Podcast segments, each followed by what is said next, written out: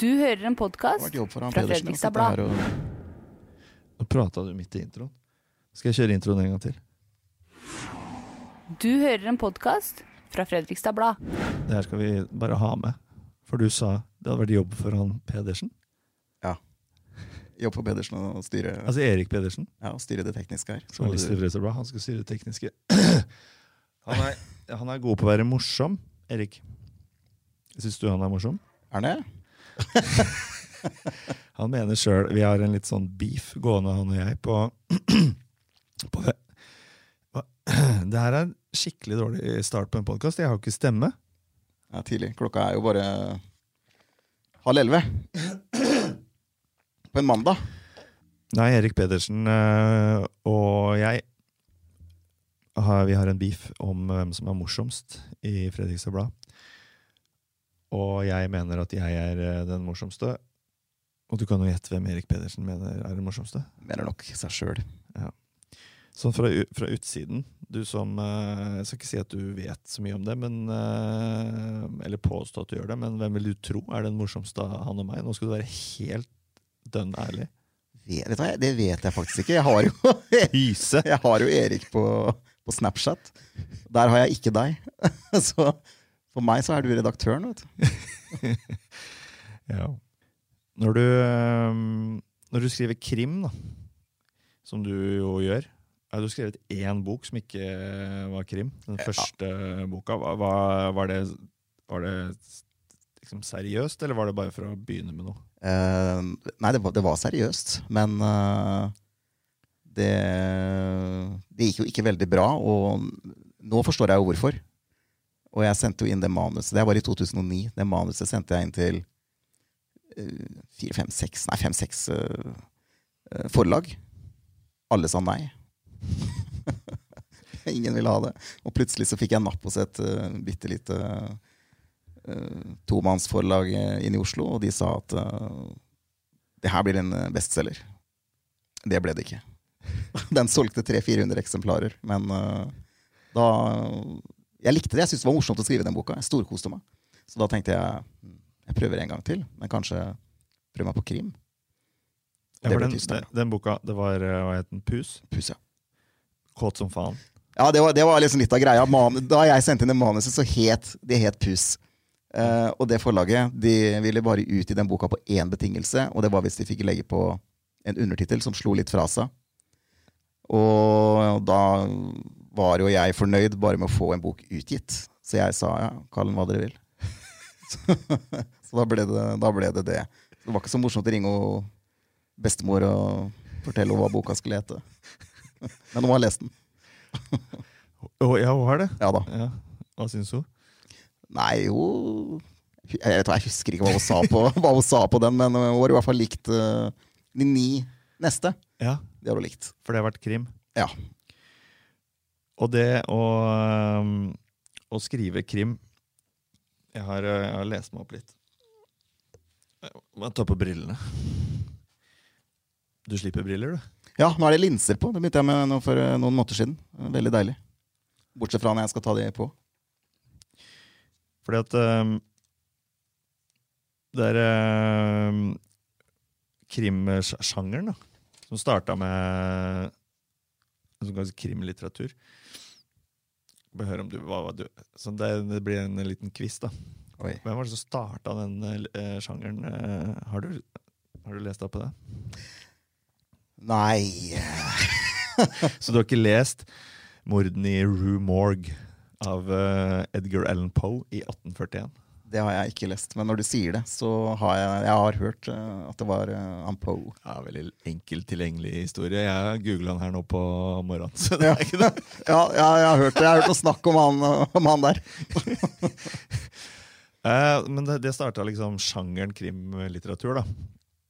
Og så på samme tida så kom da Norges første type krimlitteraturbok. Jernvognen. Mm, nei det, var- det Spørs jo hvor du har eh, lest, da. Jeg har vært på Store norske leksikon. eh, Ja, da tenkte jeg på Stein Riverton. eh, Ja, ja, ja. Nei, jeg bare tenkte hvor du har lest hvem som liksom var den første norske. Hvilket leksikon har du lest i? Ikke sant? Det kan hende det står noe på Wikipedia som ikke står i Store norske. Liksom. Ja. Men um, ifølge mine kilder Mm. så, var det, så var det den kjente Maurits Hansen som skrev 'Mordet på maskinbygger Rolfsen'. ja, selvfølgelig. Jeg har hørt det jo. Nå er det ingen som tror på meg, men jeg har hørt det. jo. Ja, ja. Nei, og, det- var jo eh, det, var, det her var jo da liksom starten på krimlitteratur, og så, kom, og så var det Det var den såkalt detektivromanen. da. Ja. Ja. Den hadde eh, det, det er seks punkter som må være til stede i en detektivroman for at den skal kunne kalles det, mente Edgar Allan Poe den gangen. Mm. Så tenkte jeg skulle høre hvor eh, mange av de seks du eh, har med i dine bøker. Det var det jeg var redd for. Ja, men det her, det her er veldig eh, Nummer én. det tilsyne, den, den tilsynelatende perfekte forbrytelse. Har du med den? Perfekt Nei, vet du hva? Ikke den perfekte forbrytelse vet jeg nærmere ikke om jeg har forsøkt på i noen av bøkene. Kanskje i uh, nummer fire, 'Rovdyret'. Uh, og, jo, og, og 'Gjemsel', nummer seks. Eh, Så du har tenkt på dette uten å ha lest Edgar Allan Poes seks regler for detektivromaner? ja, ikke, ja, men jeg har ikke tenkt tenkt. litt underveis. Hva, hva, hva er årsaken til at du i to, du nevnte to av bøkene har liksom prøvd å lage en perfekt eh, forbrytelse, tror du? Fordi det der eh, I begge de to bøkene så er det om eh, en eh, smågal gjerningsmann. Jeg sier ikke at uh, morderen i alle de andre bøkene At de drapene er begått i affekt. Men uh, det Nei, jeg er ikke så veldig opptatt Altså sånn, av sånn gal som i type genial-gal? Ja. Som prøver, ja? Mm. Mm. Uh, men jeg har ikke vært så veldig opptatt av i de andre bøkene om at, at forbrytelsen skal være perfekt, Nei, faktisk. det har nok endra seg. når du, Dine bøker er jo en del av det som, den kategorien som kalles eh, av krimlitteratur, som kalles politiroman, Mm. som kom på 50-tallet. Men det her er jo da De seks reglene er jo fra 1800-tallet. Når var det den maskinist... Uh... Ja, den kom rundt 1840. ja, så, ok, det var, Ja, ja. var, var en litt, av stønn før han Riverton. Da. Ja, det var det. Og så uh, nummer to. Ja, det var flaut, René. Rene. Burde jeg visst.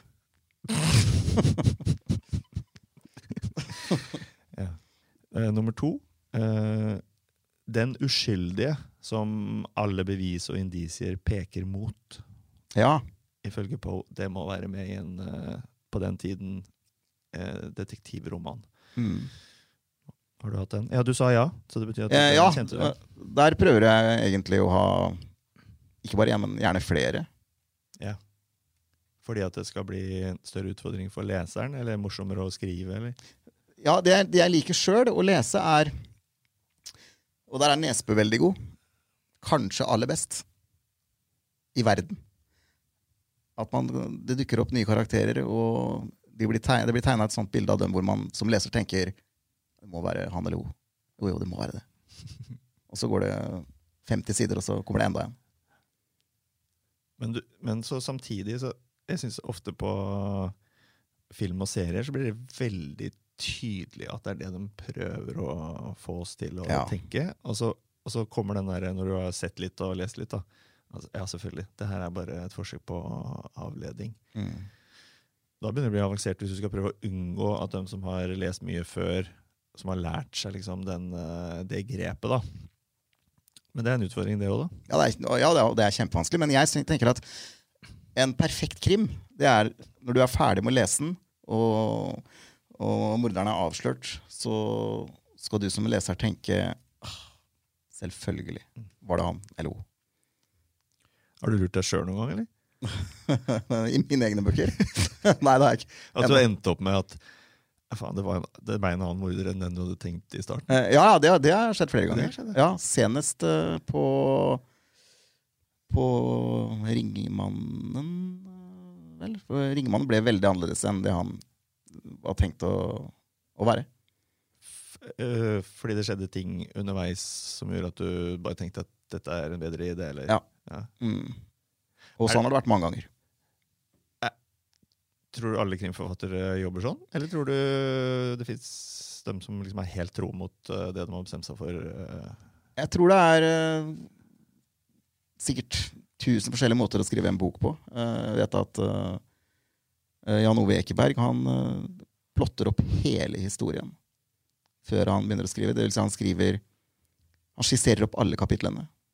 Si at han har 80 kapitler, da, så skriver han kanskje ti linjer i hvert kapittel.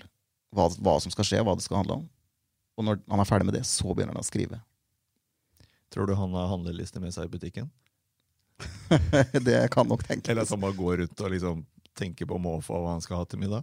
Det- er nei, men ikke sikker. Men det, jeg er jo den siste der. Ja, Så du plotter ikke opp hele Du begynner i en ende, og så har du en idé om hvordan det skal slutte, og så Ja, det jeg må vite før jeg setter i gang med skrivinga, er eh, selvfølgelig starten. For den er kjempeviktig, og den må, den må sitte. Eh, og noen twists and turns underveis. Og så må jeg vite hva som skal skje på slutten. Men ikke nødvendigvis hvordan det skjer. Men jeg må vite hva.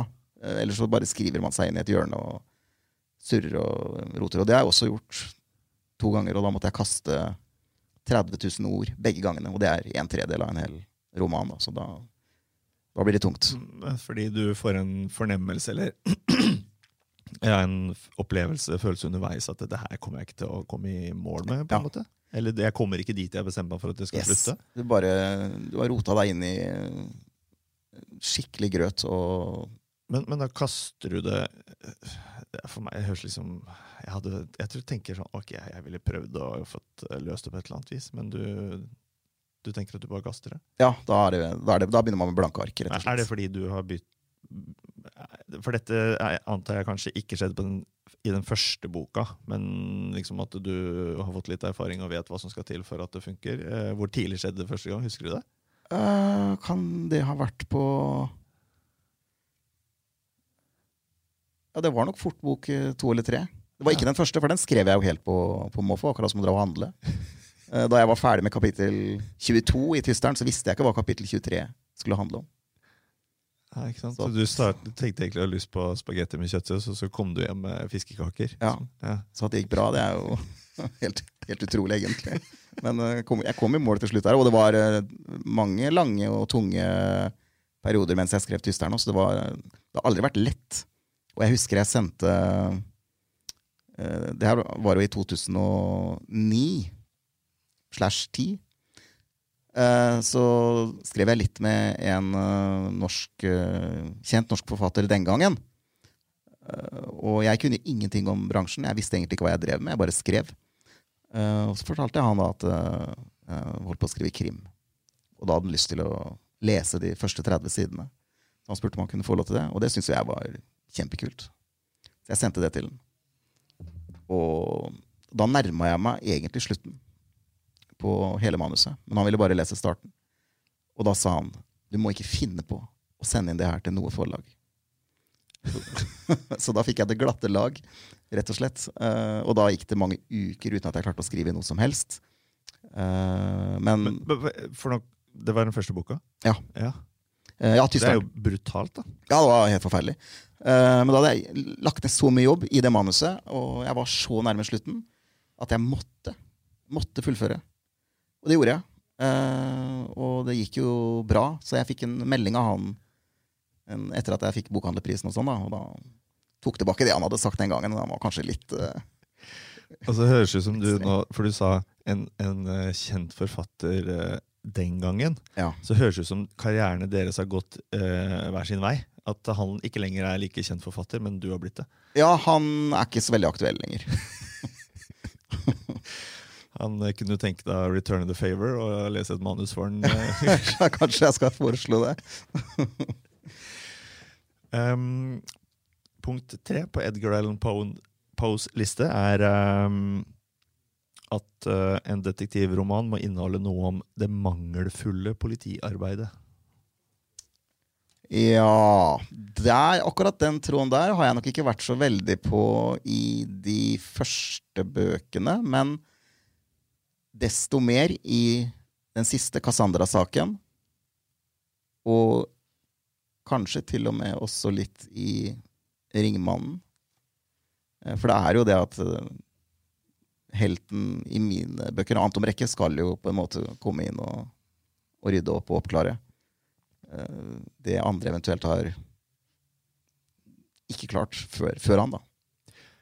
Når du gjør det mer nå, da, enn, eller når det er et uh, mer tydelig tema i, i den siste boka enn det har vært tidligere, er det uh, for deg litt sånn som jeg har tenkt på i det siste, at uh, man har liksom mista litt sånn uh, illusjoner om at uh, politifolk gjør riktige ting når de etterforsker. Det har vært mange saker de siste åra om dårlig Mm. politiarbeid. Ja. Det har på en måte blitt mer allment, allment akseptert å si at vet du hva, du skal ikke stole på at politiet gjør en god jobb. Mm.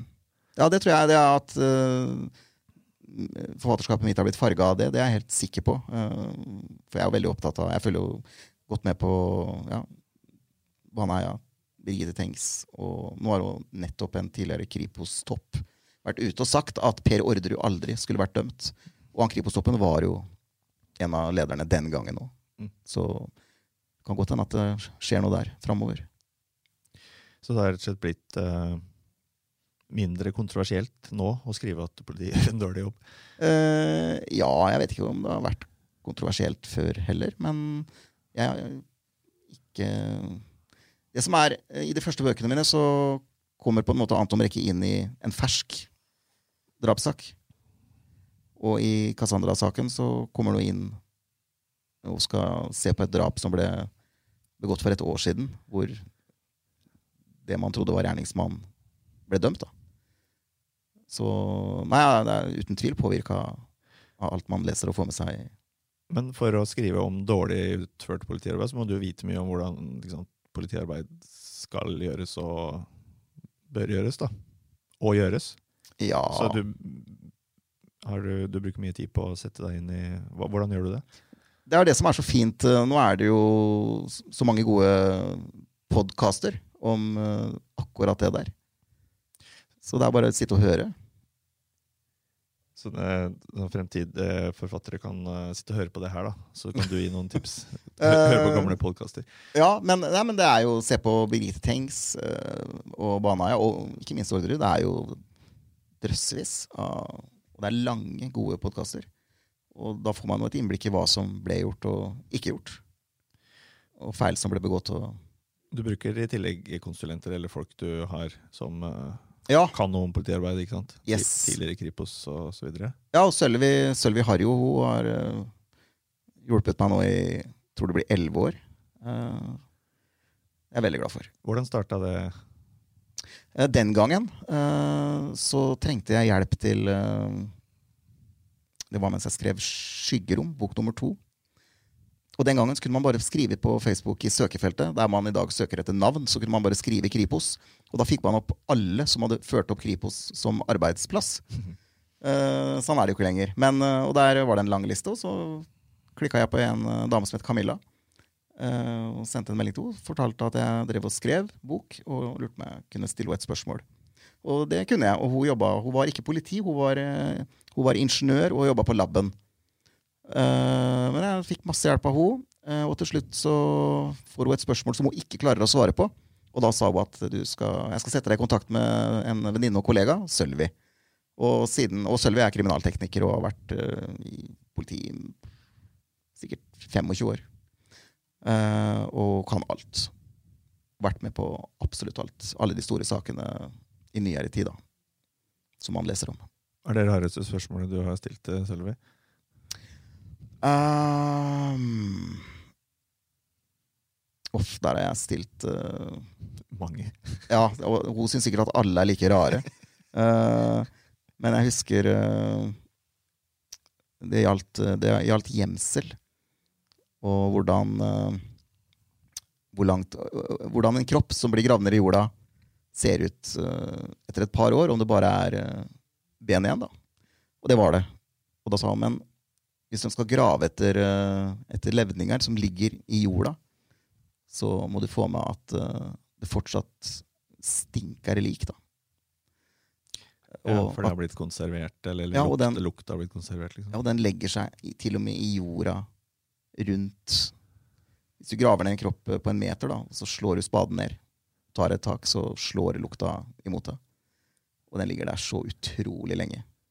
Til og med etter Ja, i boka så var det bare to år, da, men den sitter godt. Men det visste jeg ikke. Men når du skal da skrive en bok og beskrive hvordan eh, et lik lukter, vet du det sjøl? Eh, nei, det vet jeg ikke, men eh, det sier vel at det lukter eh, veldig råttent og nesten sånn blanding med søtt. Ja, sånn typisk eh, så glemt å ta med søpla ut eh. Bare sikkert sju reiser verre, da. Det er ikke noen grunn til at det skal være noe annerledes med dyr. For jeg, jeg bare husker jeg jobba, når jeg var ung, så jobba jeg på et uh, bakeri. Og så var det plutselig så kom det en sånn uh, helt jævlig lukt uh, inne på konditoriet der.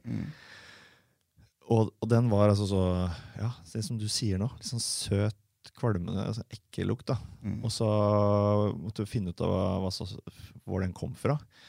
Og lette og lette. Jeg tror det gikk flere dager før jeg fant ut av det. At Der lå det en død rotte oppå, oppå taket. Det var sånne tynne takplater. vet du. Altså Det var et, et, et konditori som var satt opp inni et stort eh, bakeribygg. da. Så det var liksom, det var bare en boks med et sånn tynt tak på toppen. Og der lå det en eh, svær, fet rotte og hadde begynt å råtne. Og den lukta jeg kom Altså, den eh, var veldig det er, ikke en lukt jeg har kjent noen gang, verken før eller siden. Så det er, kanskje det er det. Akkurat som hvis du kaster en kyllingfilet da, Ja. i, i bøtta under vasken. Det tar ikke lang tid før det, den lukter satan. Sier du at du ikke steker maten din, da, så kaster du. ja, nei, det hender jo at det, det ryker noe avskjær og noe, og noe greier, og det blir jo forferdelig lukt av, av råttent kjøtt. Og kylling er en av de tingene som du ikke tar sjansen på å spise Yes. etter siste forbruksdato. Ja, jeg, omtrent ikke da heller. Um, punkt fire på Poes eh, liste, det er at eh, en detektivroman må inneholde den eksentriske detektiven med et intellekt som kan løse alle problemer. Ja, Der er du. der er jeg. Der får jeg full pott, eh, tror jeg. og, men eh, det er jo bare helt tilfeldig. eh, at det ble sånn. Jeg skjønte jo da jeg begynte å skrive Tysteren, at uh, må jo ha en politimann som Han kan jo ikke være A4 og, og, og sånn, men det eneste jeg visste egentlig fra før, var at alle detektivhelter i bøker har en last. Eh, og at alkohol var ofte den lasten. da. Eh, så det var, det var helt uaktuelt. Så det droppa jeg. Eh, tenkte jeg må skrive om noe som, og man må skrive om noe som man kan. Og jeg hadde spilt mye poker for eh, kroner jeg ikke hadde råd til å tape. Men som jeg tapte likevel. og da tenkte jeg at gambling kan være Anton Brekke sin last. Men da jeg skrev Tysteren, og egentlig i mange, mange år, helt opp til Lykkejegeren, egentlig, så spilte jeg mye poker sjøl. og det ser man nok tydelig i de første bøkene. Men jeg mista litt interessen der.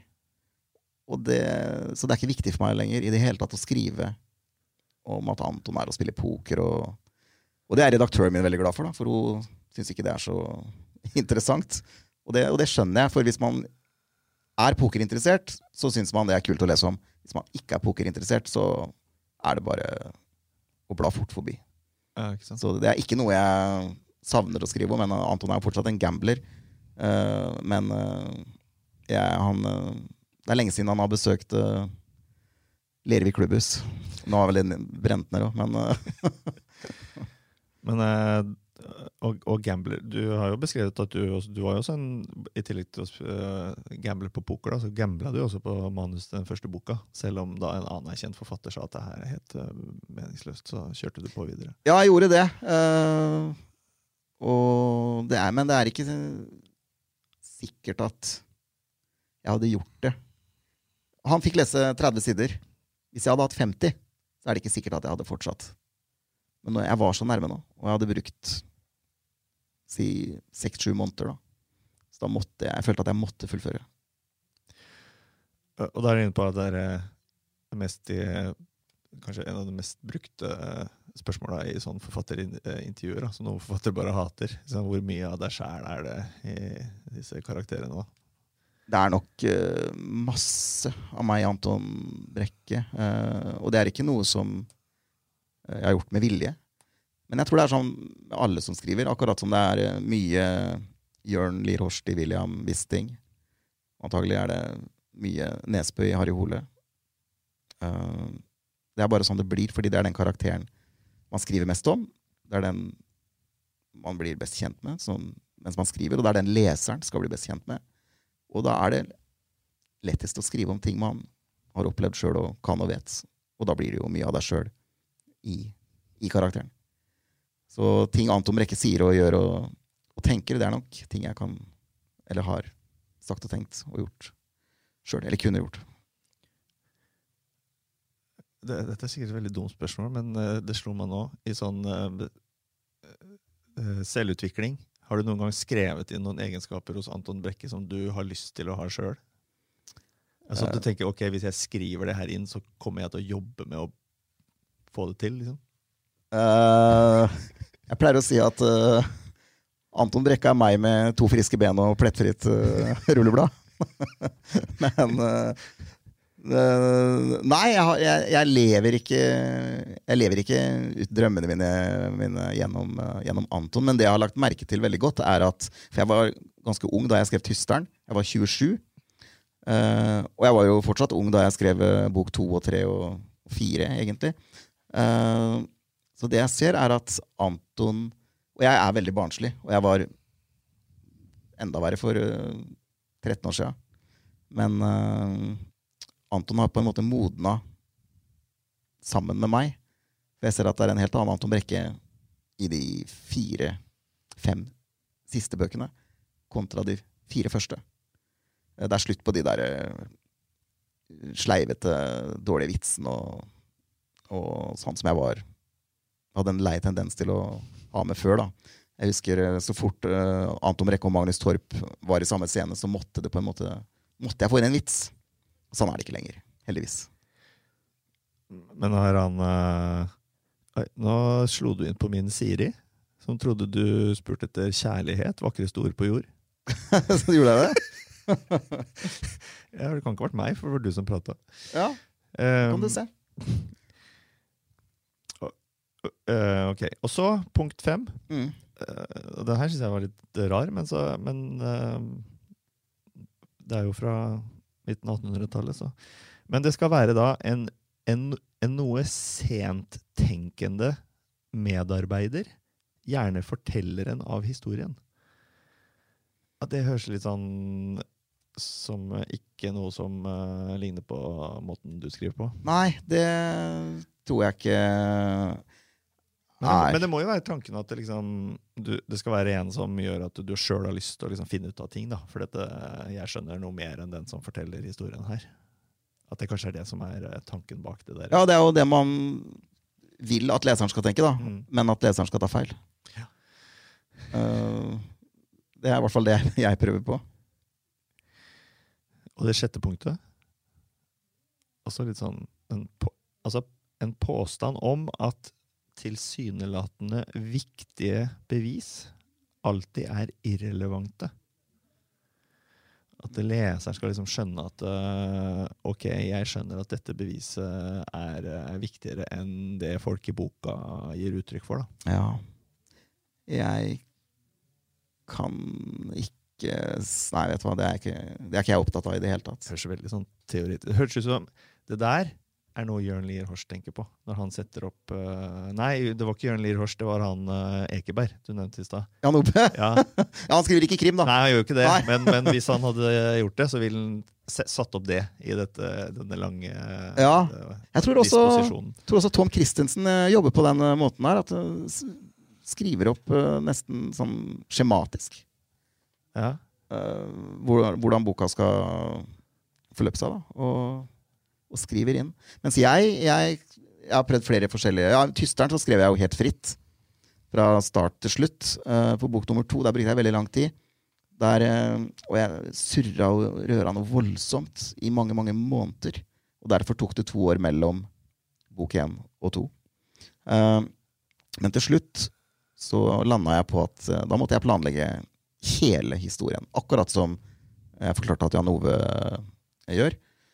Men uh, på bok nummer tre så skrev jeg fritt sånn cirka halvveis, og så planla jeg siste halvdel.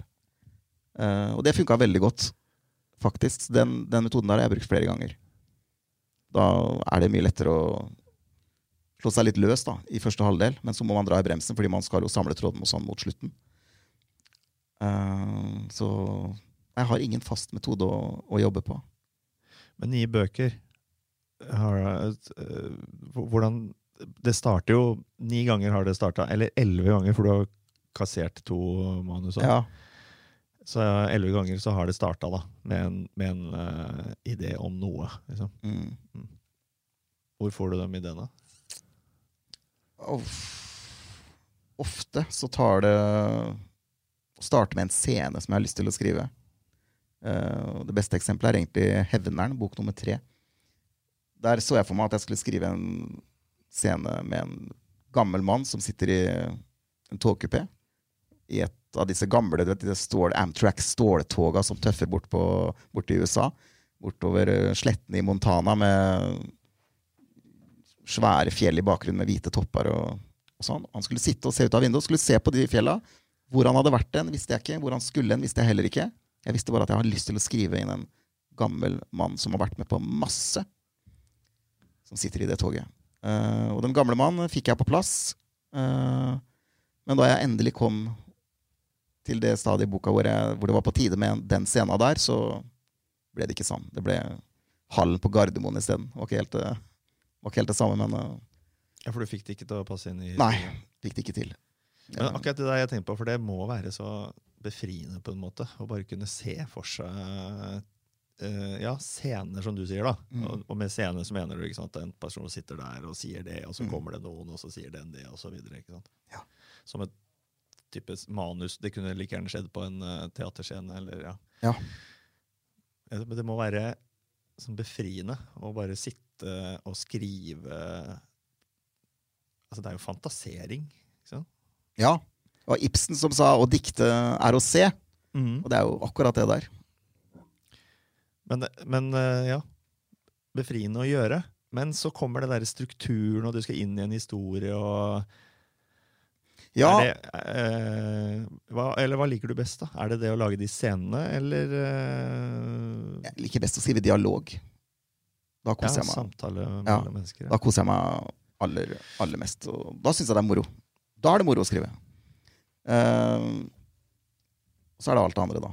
Kan ikke ha en hel bok med bare dialog heller. Dessverre. Men når du skriver dialog, det, tester du den Leser du den opp? Har du noen som liksom For å få det til å funke sånn som folk leser og blir altså, i hodet, da, så stiller man jo kanskje litt lavere krav til dialog i en bok enn på i en film eller en serie. Ja, nei, jeg, jeg gjør ikke det. Men jeg, jeg har jo lest nok bøker til å Jeg skjønner hva du, hva du mener. For, Ja, for no, og det er noe av det som eh, Når krimbøker blir filmatisert, mm, inkludert altså ja, Jo Nesbø sine, så blir jo det, det som du kjøper som et fartsfylt og kult opprullingsplott eller scene scener, da, mm. når det blir satt på lerret, så blir det jo ofte at Det blir for drøyt, liksom. Det blir for usannsynlig og Opplever jeg. Nå Ja, tenker jeg du- Sånn dialogmessig nå, eller alt? Ja, alt egentlig. Ja. Altså, hvis dialogen er for tro mot måten det blir prata på i bøkene, og folk, forfatterne ikke er flink nok til å skrive god dialog, så kan Mm. det bli litt sånn Ja, Ja, nei, er litt sånn norsk eh, Ja, ra radioteater. radioteater ja. fra 50-tallet. Uh, ja, nei, jeg skjønner hva du, hva du mener. Og det er uh, mye rar dialog ute i, i, i mange bøker. Men akkurat det så føler jeg at jeg har uh, god kontroll på. Eh, Hvorfor? eh, Det var en som eh, En kar jeg kjente før, som Han var veldig flink til å skrive. Eh, og han sa at uh, jeg skulle ønske at jeg kunne skrive dialog som deg. Og da sa jeg ja, men det kan du vel? Nei, jeg kan ikke det, sier han. Det greier jeg ikke. Eh, Og jeg tror kanskje at det Så fortsetter han å si at jeg tror kanskje det kommer av at du liker å snakke med folk. Det gjør ikke jeg.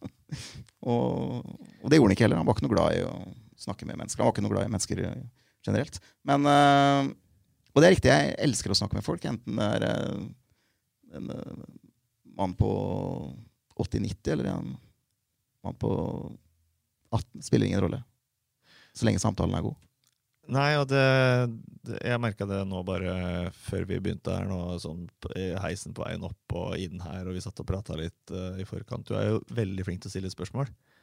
Uh, til å ville vite noe om den du eh, snakker med. Er det bare helt sånn den du er, eller er, det, er du bevisst på det? Nei, det tenker jeg ikke over, faktisk. Nei, men du er det. Bare nysgjerrig. Har du, vært, har du sittet i en sånn sosial setting noen gang med en person som har null øh, forhold til det å være interessert i, i deg? Som egentlig som du kan sitte og fortelle og spørre, og den personen forteller livshistorien sin, og så er det liksom dessert, og så føler du at Eh, ok, jeg har, jeg har bare prata med noen. Jeg har, ikke, jeg har ikke fortalt noe, liksom. Jeg har bare stilt spørsmål. Vært en sånn intervjuer. ja, det skjer, eh, skjer stadig. Ja, for det, det, jeg tror det der det handler om bevissthet. da. Og jeg tenker at du gjør det fordi du er bevisst på det, men du sier at det, det er bare helt naturlig for deg. Du er bare nysgjerrig på folk. Ja, øh, ja jeg liker bare å, å snakke Snakke med folk. Og det, og det er derfor jeg antagelig liker å skrive dialog òg. Og, og at mange forfattere ikke er så glad i det, det kan jeg levende forestille meg. For Ja. det er jo et ensomt yrke, og den som dras til et sånt yrke, så enten så blir du sånn eh, eh, dataprogrammerer, som sitter med hodetelefoner på og kikker i skjermen hele dagen, eh, eller kanskje du blir forfatter, men du er da en eh, sosial fyr som har blitt forfatter. Så Ja, og det har jeg alltid vært. Alltid vært veldig sosial. Uh, selv om jeg også elsker å være alene. ja. Men når jeg først er ute blant folk, sånn som nå, når jeg har eh, tatt meg en tur ned til byen for å treffe deg, da, da Det syns jeg er hyggelig. Er du naturlig ekstrovert eller introvert? Eh, vet du hva, det er Man Hvor- kan jo ikke være begge deler. Hvor hent, jo, du kan det. Ja, da er jeg det. Hvor, hvor henter du Når du skal hente energi, hvor, uh, hva gjør du da? Uh, Gjør du det ved å være sammen med andre mennesker, eller gjør du det alene?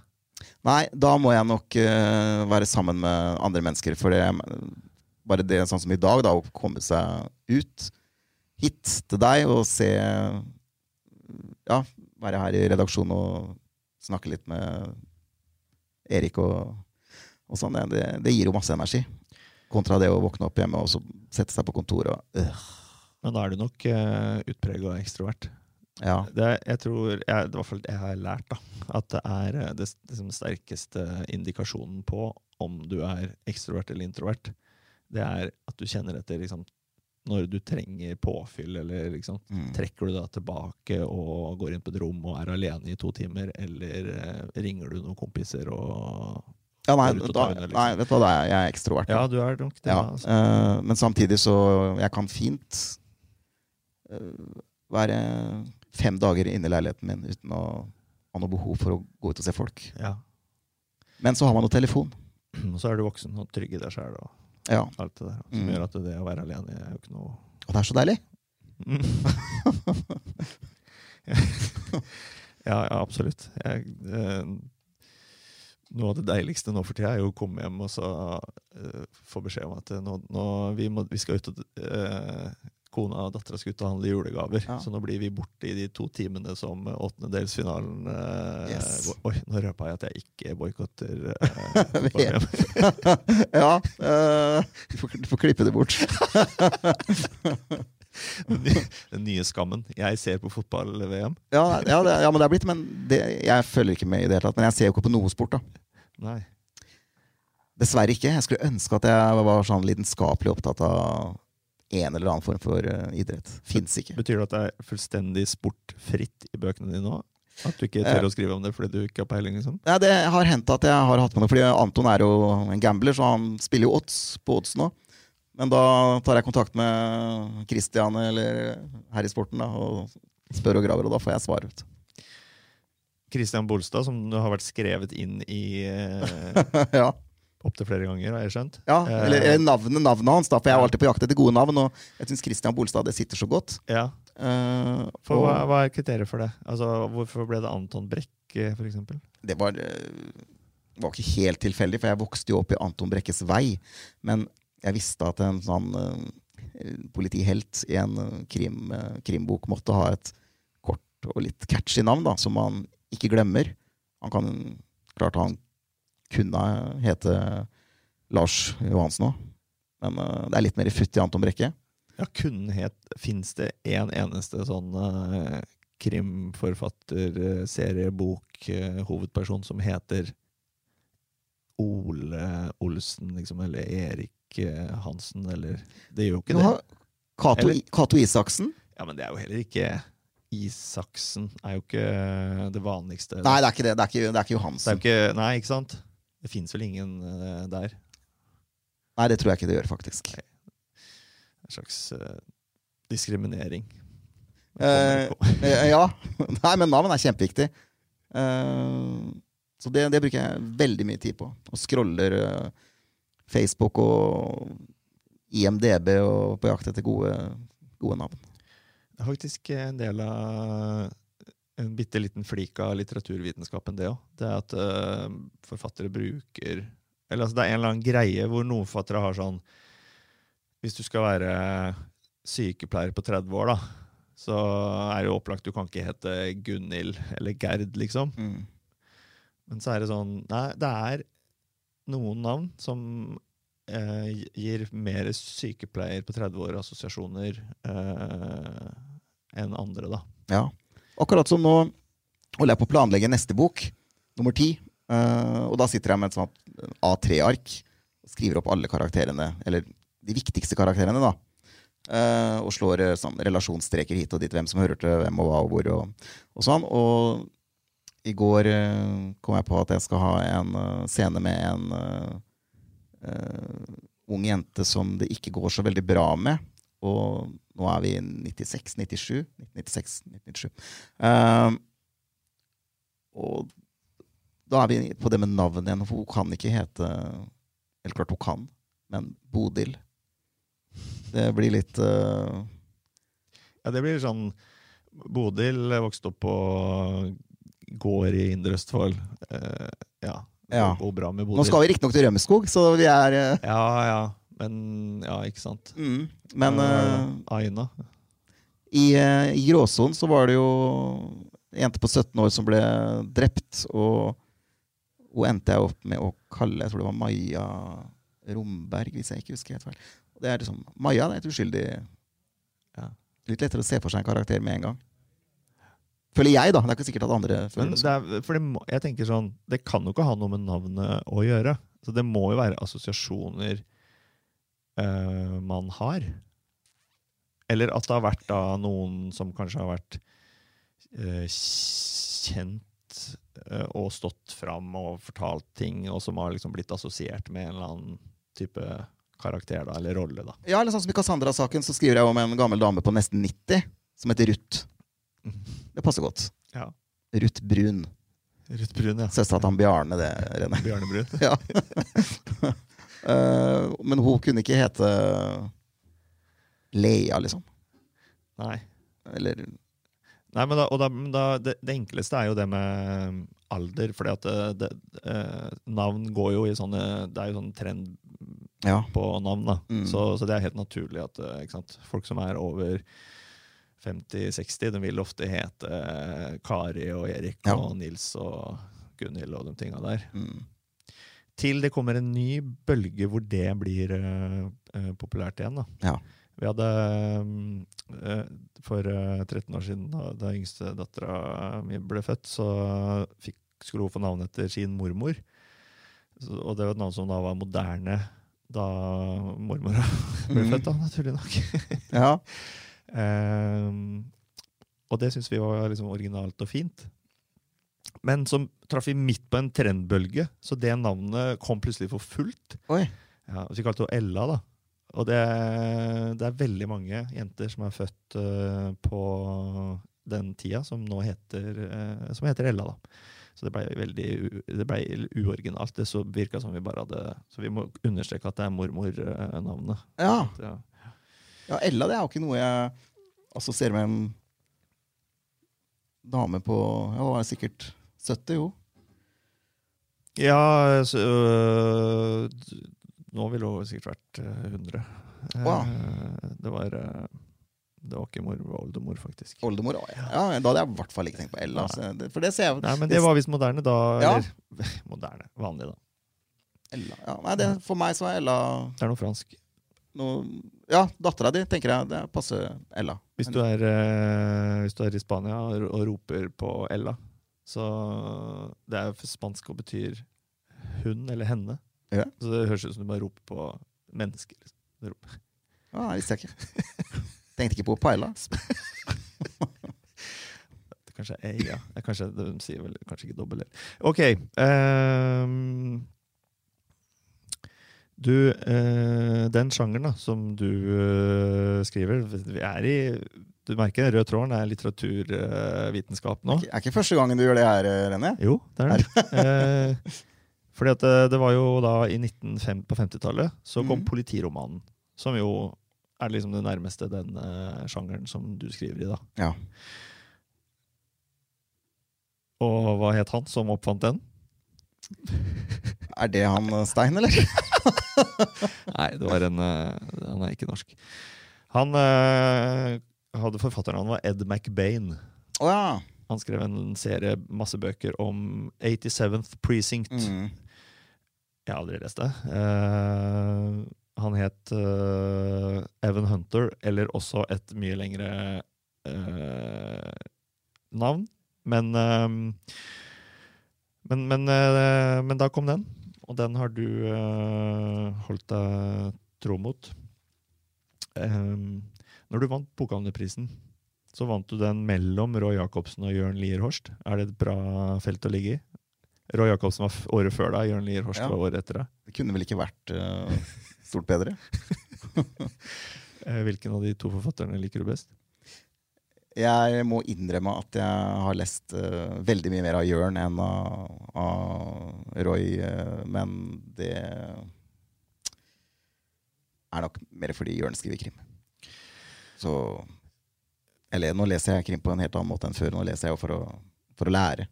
Har du, så du 'Forræder', eller? Ja. ja.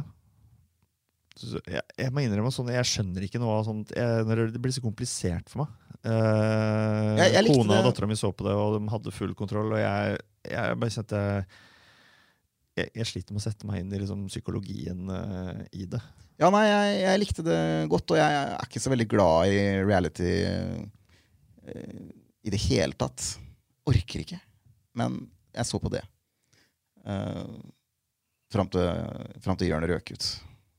Ga jeg ikke men jeg likte, jeg likte konseptet, men jeg er veldig dårlig til å se på reality også.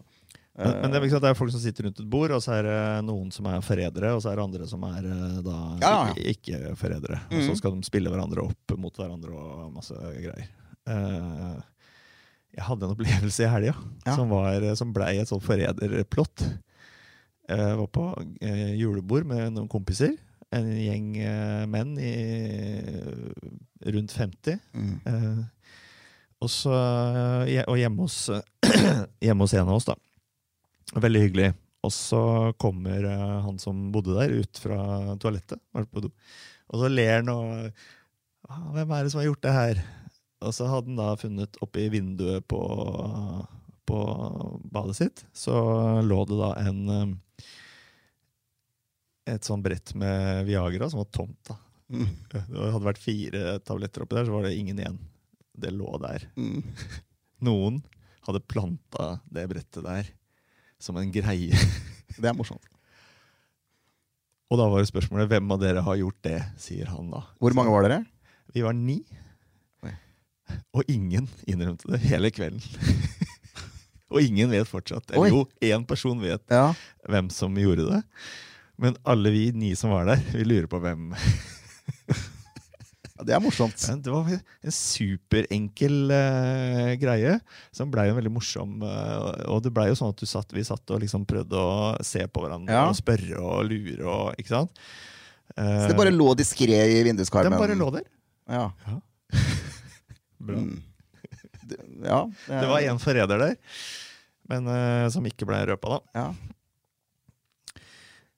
Men hvis de ikke kommer fram, Ja, Hvis det aldri kommer fram? da tror ikke jeg det der var eh, Da var det mer en glipp. Jo, men hvis det var en glipp eh, Da er det jo mest sannsynlig at det var han som bodde der. Ikke sant? For det var hans bad. At han hadde glemt igjen. Men det var jo han som også fant og kom ut med Ja. I så fall så er han en skikkelig luring, da. ja, Da er det en luring. For da tenkte han hm, kanskje noen andre her har sett den der. Det her må jeg redde Ja, inn. nå skal jeg kjøre en twist på det. Ja. Den historien kan du få låne og kjøre, eh, eh, Dra i boka di hvis du får det til å passe Ja. inn, eh, en av fremtidige bøkene. Om eh, gutte, guttejulebordet hvor det ble funnet tom Viagra-pakke i vinduskarmen. Um, du nevnte i stad at Anton Brekke var der sjøl med to friske ben. Uh, du født med ry- ryggmargsbrokk, ikke sant? Ja, det er det jeg sier. Jeg har uh, ryggmargsbrokk uten brokk. Uh, hva betyr det? Ja, at uh, det er rett og slett signalene fra hodet ikke når fram til, til beina. Ja. Uh, men veldig ofte så Man har en sånn skade, så Eller ryggmargsbrokk, så får man, får man gjerne et brokk med på kjøpet. Og det kan ligge enten på utsiden eller innsiden. Eh, men det slapp jeg. Eh, og jeg husker jeg var inne på Sunnaas uh, en gang, mange år siden.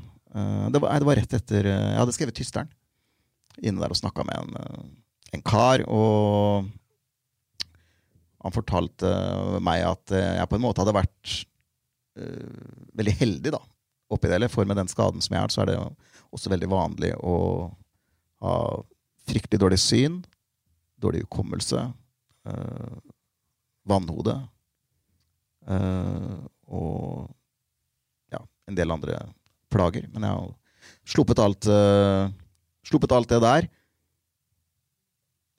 Ja. til tross for linser.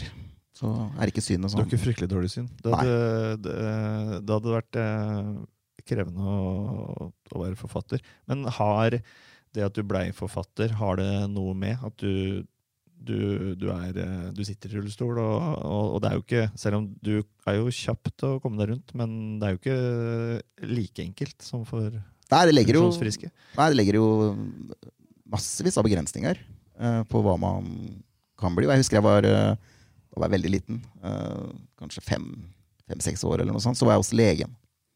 Fastlegen min den gangen, og han lurte på hva jeg hadde lyst til å bli når jeg ble voksen. Og da sa jeg jeg skal bli politi. Og da sa han ja, men eh, hva gjør du hvis tyven løper opp en trapp, eh, Jan Erik? Så da fikk jeg en reality check, da. Så da jeg dro derfra, så skjønte jeg at eh, politi skal jeg ikke bli. Uh, Var det en grei ting å legge å si til en fem-seksåring? Jeg vet ikke. I, I dag så hadde sikkert noen blitt ekstremt krenka av det, men uh, Ja, jeg tålte det. Uh, men uh, Ja, nei, det har lagt masse begrensninger, og det gjør det, det, gjør det fremdeles. Denne historien her har jeg vel ikke Jeg har fortalt den før, men uh, kan jo dra den en gang til, for uh, den er litt artig. Uh, det å fly, det er noe av det verste jeg vet. Og det er ikke fordi jeg har flyskrekk, men det er fordi det er så hassle. Det er så styr, og det koster så mye mer enn det smaker. da. Uh, fordi du kommer på Gardermoen og Ja, jeg, den gangen her skulle jeg til Volda. Det var et par år siden. skulle jeg snakke om, om Ringemannen. Jeg var invitert opp dit. Eh, og opp dit så er det jo bare små videre propellfly som går. Og der går man om bord fra bakkeplan. Det er ikke den eh, tunnelen rett inn i flykroppen. Men øh, Og når man bruker rullestol, da, så er liksom greia at da skal man først inn på fly, og så skal man sist av for å slippe masse oppmerksomhet og, og, og sånne ting. Så det var greit. Men jeg er jo ikke så veldig godt kjent på Gardermoen, så jeg kom jo for sent. Eh, så da jeg endelig fant riktig gate, så var jo alle var gått om bord. Og foran fly ute på bakken der så står det en sånn kjempesmal liten flyplassrullestol. som eh, man må bytte til da, for å komme om bord. Min rullestol er altfor bred, altfor stor til at man får dratt den mellom seteradene. og sånne ting. Så da må man over dit. Og jeg flytter meg lett over dit, men da sitter det jo Jeg ser bare ansikter i hvert eneste av de der ovale fly, flyrutene. Og sitter de og ser ned på meg. Og jeg åh, Helvete. Men så hopper jeg over dit. Uh, og selv om jeg greier å holde meg fast i den stolen mens de øh, flyplassfolka skal dra meg opp den trappa inn i, Og det er også noe av det verste jeg vet. Hvis jeg har promille, så bryr jeg meg ikke noe om det. Og, og få hjelp Du opp. sier dra deg opp, du sitter i stol, og så og er det sånn dunk, dunk, dunk Ja. oppover, liksom? Yes, trinn for trinn. Uh, og hvis jeg har promille og er ute og, og sånn, så bryr jeg meg ikke noe om det i det hele tatt. Men uh, jeg hadde jo ikke promille der. så det, det er ikke noe ålreit. eh, Det er jo bare jeg som føler på det, og som tenker på det. Men man føler seg som en sirkusartist, da. Fordi alle ser på. Eh, og før man uh, blir dratt opp den trappa, så måtte jeg jo bli stroppa fast. Så de surra sånn belte rundt uh, beina. Og så måtte jeg legge armene i kors. Sånn en hånd på hver skulder, rett og slett. Og belter rundt overkroppen. For at ikke jeg skulle falle ut, og det hadde jeg jo aldri gjort, fordi jeg holder meg jo fast, men at enkelte må Så stroppes fast. Sikkerhetsprosedyre, Ja, rett og yes. slett. Så du ble beltelagt. Ja, jeg ble beltelagt, og det her var jo under korona, så jeg måtte jo ha maske i tillegg. Ja. Så jeg så jo ut som Hannibal Lekter da jeg ble dratt om bord på det fly. Og det var akkurat det jeg sa til det godt voksne ekteparet på første rad. Nå kommer nattsvermeren, sa jeg idet jeg kom om bord. Men i, ingen lo. så det, det, ble, det gikk bare fra ille til veldig mye verre. da. Og jeg følte meg så dum, og så ble jeg dratt bakover i det der eh, jævla Widerøe-flyet. Så hoppa jeg opp på et sete da, og satt der og venta til alle hadde gått ut i Volda før jeg før jeg hoppa over på den. eh, På en ny, tynn rullestol og ble skjøvet fram og, og båret ned. Så det, jeg gidder ikke. Jeg gidder ikke fly. Eh, Så hvis ting hadde vært annerledes, så kunne jeg jo Og de fleste andre ville nok kanskje reist jorda rundt og skrevet hvor som helst. Eh, Men det Jeg sitter fint på Cézignon. Eh, Så hvis ikke jeg kan ta bilen, så gidder jeg ikke. Men snakk om bortkasta humor, for det der er jo genialt morsomt. Altså, At det var stor Og, og når du forteller om den opplevelsen, du, er, du føler deg nedverdiga, og så klarer du likevel å, å, å se liksom deg sjøl fra utsiden. Ja, det- jeg Nå ser jeg her jeg sitter med armene Jeg ser for meg den der Ja, for det er, ikke sant, det er jo Ja. filmscene hvor han Ja. Yes. Og Jeg syns det var kjempemorsomt, men det syns ikke gamlingene på første, på første rad. Kanskje ikke de har sett filmen. Det er klart, det er også krevende humor, fordi de syns sikkert også synd på deg. ikke sant? Og var jo opptatt av å vise å være Ja, det kan godt hende. Vise at du kan ikke le av det. Nei, hva, annet skal man gjøre? Uh, nei, så Det er sånne episoder som det der og, som gjør at jeg, jeg gidder ikke å fly. Selv om, selv om jeg skulle vært først, først inn, da. Så jeg syns ikke det er noe ålreit. Eh, Og så viktig for meg er det ikke å reise heller. I det hele tatt. Nei, så det er ikke et veldig stort tap. Nei, øh, ikke i det hele tatt. Da hadde jeg vel vært i Vegas og, Spilt poker. og vært der ennå, kanskje. um, men det du sier der, da, altså det at du, du klarer å liksom, håndtere den situasjonen der med en type sånn selvironi For det, er det det der? Eh, ja, det, det blir jo det. Eh, Er det, er det er det en forsvarsmekanisme, eller? Det kan godt hende at, at det har vært det. Eh, eh, ja, det er klart det har det. Eh, og jeg husker uh, var en kar som var ute nå, uh, en med CP, som eh, hadde hatt et litt sånt eh, uheldig møte med han eh, komikeren. Uh, Eh, Atle Anton. Ja, ikke sant? Den derre eh, del to av Atle Antonsen-gate. eh, ja, og den episoden der kjenner jeg meg veldig godt igjen i. Ved at noen eh, kanskje Nå er det mange år siden det skjedde sist, da. Ja, for det var at han rulla rundt på han, ikke sant? Og Ja, han, eh, han gutten da Han eh, hadde trilla bort til Atle Antonsen under en eller annen eh, premierefest eller prisutdeling eller noe sånt. Og prikka han på skuldra og spurte om han kunne ta et bilde med han. Og da hadde Atle Antonsen svart uh, hvor, Hvorfor eh, sitter du i den uh, Hvorfor kan ikke du gå, eller noe sånt, din jævla krøpling? Mm. Uh, hvorfor kan du ikke reise deg opp og gå som normale folk? Og han gutten hadde bare ledd med, eller lata som at han syntes det var morsomt. Uh, og det husker jeg før, hvis noen liksom dro en vits, og at man, at man lo da. Det er jo ikke morsomt. Ingenting av det der var morsomt, da. Uh, og det at han hadde tatt tak i og liksom rulla mot den trappa og, og sagt at nå skal jeg skyve deg ned til første etasje, og bråstoppa foran trappa. Eh, det har også hendt at eh, noen har tatt tak i Og det er nok med å bare ta tak i rullestolen, bare skyve den liksom en meter bak. Ikke gjør det. Det er noe av det verste man kan gjøre. da. Ja, for du det- Det både er eh, sånn nedverdigende, men også ubehagelig. Ja, det er alt, det. Det er som at noen skulle tatt deg og lagt deg ved skuldra og, Ja. gått noen meter og satt deg ned igjen.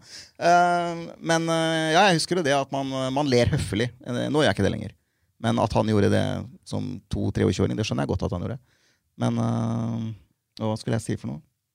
Ja, vi snakka om det med å bruke selvironi som en slags Ja, sånn forsvarsmekanisme. Eh, ja, det, nok, det har jeg nok helt sikkert gjort i, i, i mange år. Og jeg blir ikke lett krenka i det hele tatt. Jeg tåler eh, det meste. Uh, og en eh, god rullestolvits kan jeg godt le av, men han må være raffinert, liksom. Det, ikke Det kan ikke være noe billig, billig vits. Det er fordi det er ikke morsomt. Men man kan tøyse med alt, så lenge det er gjennomtenkt og, og morsomt. Eh, eh, I går, når eh, jeg satt og snakka med, med dattera mi og kona mi om at jeg skulle ha podkast med deg da, Mm. og så sa jeg at jeg har, jeg har et lite handikap, for jeg har ikke lest noe særlig av bøkene hans. Og da sa dattera mi du kan ikke si, du kan ikke si at du, du har et handikap når du skal snakke med han. Ja. Ja. Er det morsomt? Eh, nei, jeg smiler jo, men det var, det var ikke en lårklasker, det der. Nei, nei, nei, men, men uh, Men- er det, er det for, Fordi jeg lo jo av at hun var så kvikk som 13-åring, liksom. Å, ja, altså, ja, men- og tok den. Ja, ja, ja det, er, det, er, det er ikke dårlig. Men hun kunne ikke sagt det når du var der, eller hadde, hadde du Jo, det hadde jeg, jo sant bryr jeg meg ikke om. Det greit? Ja, sånn som åh, Hvis du er i butikken, da, og så skal jeg ha Jeg må spørre om et hvor ligger det. Ja, da bare går du opp øh, øh, øh, Nei, du bare, du bare triller opp. Kan du ikke bare si gå? Det er greit. Det er greit, liksom.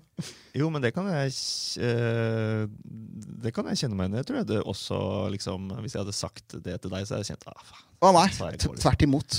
Ja. Jeg sier jo det sjøl. Skal, vi- skal vi gå Skal vi, Ja. skal vi gå hjem? Ehm, og så var det sånn at før eh, Eller fortsatt, da. Så, så heter det jo at man er funksjonshemma, men den, den, eh, den riktige betegnelsen er jo personer med nedsatt eh, funksjonsevne. Altså, det er eh, Det er ikke lov å si kappa. Kappa. ingenting, ingenting er lov lenger. ja, nei, vet du hva, det der eh, jeg, jeg, Ja, jeg har fått med det. At man, personer med nedsatt funksjonsevne og Ja da. Jeg er ikke så nøye på sånt, jeg. Nei, men prinsippet med det, da. Fordi Mm. at eh, jeg, eh, jeg må si at det som en som skriver om ting, da. For jeg skrev eh, en Det var da jeg ble oppmerksom på det. Jeg skrev noe, og så fikk jeg beskjed fra noen som kjente til det riktige begrep. At Tror jeg Siri kom igjen. Hvem vil du sende melding til? Ja. Hva er dette? her Funker bra, det Siri-greiene, René. Ja, men det er noe det er, Kanskje fordi jeg sier sier, og så blir det Siri. Ehm, jo, da ble jeg gjort oppmerksom på det. At jeg hadde Mm. skrevet funksjonshemma, men det heter eh, ikke sant? Og jeg vil jo gjerne gjøre det riktig, da. Og, Ja. og, og for, eh, og for eh, den oppvoksende generasjonen. Mm. Altså, men så det jo, blir jo dette helt naturlig.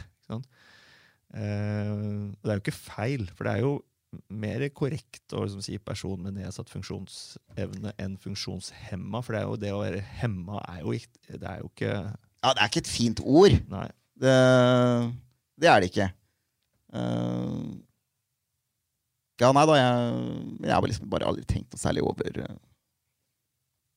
Over det. Det er ikke så viktig for meg. Kan jeg si det? Selvfølgelig Ja. kan du det. Ja. Eh, Så lenge det ikke er en, nå er en ny forsvarsmekanisme. Tenk om det er det, ja. Ja. Men, eh, nei, jeg tror ikke, eh, nei, det er ikke det. Også. Hva er det folk lurer mest på når de snakker med deg om uh, din uh, funksjonsnedsettelse? Og jeg vet hva, jeg får utrolig lite spørsmål. Ja. Og det må, tenker jeg må jo også være veldig deilig. At uh, du er ikke, du er ikke stolen din, liksom. Men du er eh, forfatteren og den ek ekstremt ekstroverte, morsomme fyren som ofte har humor så avansert at eh, noen ikke skjønner det. det er en litt morsom historie. Det er veldig mange år siden. Så traff jeg en dame. Uh, jeg husker ikke hvor. jeg. Men vi holdt i hvert fall kontakten etterpå på telefon og meldinger og chat og det greiene der. Uh, og så skulle jeg hente henne på en fest en gang, og så skulle vi hjem til meg. Og jeg har ikke, jeg har ikke sett henne siden vi møttes den aller første gangen. Og jeg kjører opp og henter henne, kjører hjem til meg. Da bodde jeg på Selbakk, er det ikke der du er fra? Jo. Eh, bodde jeg der, og så stikker vi inn i, inn i leiligheten, og så sitter du i sofaen, og så sier hun plutselig Vet du hva, sa hun? Jeg hadde glemt at du satt i rullestol. så nei, det er fint at folk ikke tenker over den, eh, den stolen. Men det er det mange som tenker over også, da. Men eh, fint at hvis man klarer å, å se på puddingen som sitter i den i- isteden. Eh, Så du den uh, serien eh, Nede? Er det hun jenta? Mm. Da har jeg sett litt av den. Hva, hva, hva, hva syns du om den? Det handler om en jente som sitter i rullestol etter en uh, Ble påkjørt, ikke En ulykke. Ja, jeg, jeg, jeg, så bare, jeg har bare sett én. Jeg skal se mer også, men jeg har bare ikke fått drukket. Men et grep som de gjør der, da, i den serien, det er Mm. at uh, Altså filmatisk grep. Eh, Det er at eh, i noen av scenene hvor det skjer ting, er det sånn hun er på en sånn på en fest eller noe. da. Og så er kameraet vinkla sånn at hun ser bare folk liksom fra kne og opp til livet, vet du. Mm. For hun sitter langt nede. da. Mm. Er det Er det sånn? Eh, ja, men uh, særlig ja, ute, da. Hvis man er på byen, eller på et kjøpesenter nå i julestria. Da er det litt sånn. Og ja, man må følge, følge godt med, så ikke man ja, tråkker, blir tråkka på eller kjører på noen. Men uh, Nei da, jeg ser jo Jeg, ser jo, jeg klarer, jo, klarer jo å se opp. Ja. Så, men akkurat hvis det koker med veldig mange mennesker, så, så er det sånn. Og så er man bare liv. ja, ikke sant? Mm. Ja. Uh, du blir sterk i nakken, da. Ja, blir sterk i nakken. um, det er en bra serie. Ja, jeg hørte bare skryt om den, faktisk. Ja. Så det er, det er ikke noen spesiell grunn til at jeg ikke har sett mer. Jeg, jeg skal se mer, jeg har bare ikke fått rota meg til det ennå. Er det sånn at For det kan jo gå begge veier. Når du sjøl er eh, eh, rullestolbruker, så skal du se en serie om hvordan det er å være det, liksom. Eh, er det turn off, eller er det interessant? eh, Nei, interessant er det ikke. nei. Eh, Det som er, ja, den er bra, for den er, den er litt sånn ærlig. Jeg, jeg tenker at den er litt sånn som du er, da. Eller som du fremstår. Mm. Litt sånn rett på. Ikke noe, Nei, okay. Legger ikke noe mellom, liksom. Mm. Ja, nei, jeg prøver ikke legge så mye mellom. Eh, du fortalte i stad at du nå er du liksom ferdig med å fly. Eh, For, ja, ja, ja. ja. Men, eh, men du kjører jo bil.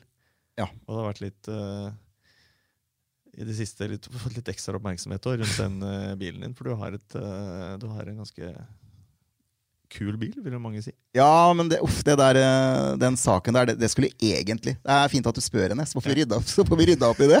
Uh, fordi den saken der skulle egentlig være en hyggelig bilsak med Brum, det som den, den TV 2-programmet, vet du. Eh, for bilinteresserte. Uh, og så ble det jo litt snakk om hvordan det var å bruke den bilen som Ja, siden ikke jeg går, da. Ja, For det er en lav uh, Ja, det er en liten- flak av en sportsbil, ikke sant? Ja. Ja. Uh, og da fortalte jeg bare at uh, nei, det, det går fint. Det eneste er at jeg kan få litt reaksjoner når jeg parkerer på handikapplassene. Med at folk hytter med neven og drar en finger og roper og, og sånne ting. Og så var det det da som ble trukket fram, selvfølgelig. Og, og jeg så jo at eh, det ble en klikkvinner. Og da snappa Fredrikstad Blad den samme saken opp. For dere så også sikkert at det ble en klikkvinner. Nei, det var, jeg tror faktisk det var kobla med at eh, det var en eh, Det var en, en, en dame som kommenterte at hun opplevde det samme i, Ja, stemmer det! i Fredrikstad. Mm. Maria Ja, det var noe sånt. Ja, mm. eh, som, som også hadde Som, som jo måtte jeg en måte, s- ser funksjonsfrisk ut, men som Mm. har, har et, eh, en tilstand som gjør at hun hadde handikap-parkering. da. Mm. Så ja, så vi kobla det med, med den, tror jeg. ja. Men eh, ja. Og så er det så kan, jo, kan man jo liksom si at eh, Ja, men kan du ikke bare ha det der blå parkeringskortet ditt framme i vinduet hele tida? Nei, jeg kan ikke det. Jeg kan ikke det! det gidder jeg ikke. Uh, kan like godt eh, tegne en rullestol på panseret, da? Kan du det? Jeg husker jeg ja, har for du kjenner at det er litt sånn Å flashe det på en måte Bør ikke for- flashe det nydelige Men laminerte kortet. må, må du For å unngå bot, må du det, eller fins det noen annen måte altså For nå, nå har jo alle, parkering, alle parkeringsvakter har jo eh, sånn eh, de, de bruker jo digitalt, ikke sant? Ja, Det må jo være registrert noe som gjør at de kan se at ja, dette er en person med handikaptillatelse. Ja, men så er det sånn at si at uh, hvis du hadde hatt et sånt kort, og så skal kona di kjøre i butikken, da skal ikke hun bruke det kortet. Ja, for det er personlig, det følger ikke bilen, nei. Mm. Ok. Eh, Ja, for det kan jeg tenke meg det er massivt misbruk av. ja, klart det er det. Og jeg har jo, det har jeg jo sett uh, sjøl òg. det, kommer, eh, det ser ut som det er nok assistenter som kjører rundt i de store bilene som ja, vanligvis har de en bruker med seg. Men det er ikke alltid de har det.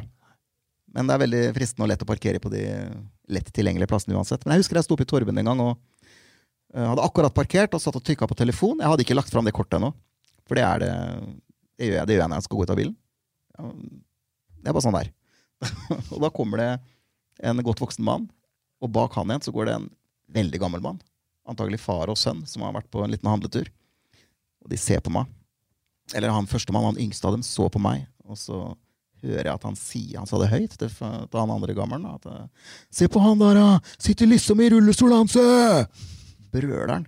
Likte ikke at jeg sto der. For han så jo ikke rullestol eller noen ting. Eh, Og jeg skjønner at folk kan tro at det ikke er en rullestol bak i den bilen. Det har jeg ikke noe problem med å forstå. Men, og de hadde parkert rett bak meg. Eh, Så jeg lukker opp døra og tar rullestolen og setter den på utsiden. Så ser han på meg, så ser jeg på han, og så sier jeg det er ikke alltid at ting er sånn som det ser ut som. Sa ingenting. Ikke et pip. Da hadde jeg sagt oh, ok. Men han, han valgte å holde helt kjeft, og det er greit. Ja. Følte seg sikkert litt dum, men uh, Ja, det kan du regne med. Men åssen er, åssen er Fredrikstad Du bor jo i Fredrikstad sentrum og jeg regner med å bruke byen ganske mye. mm.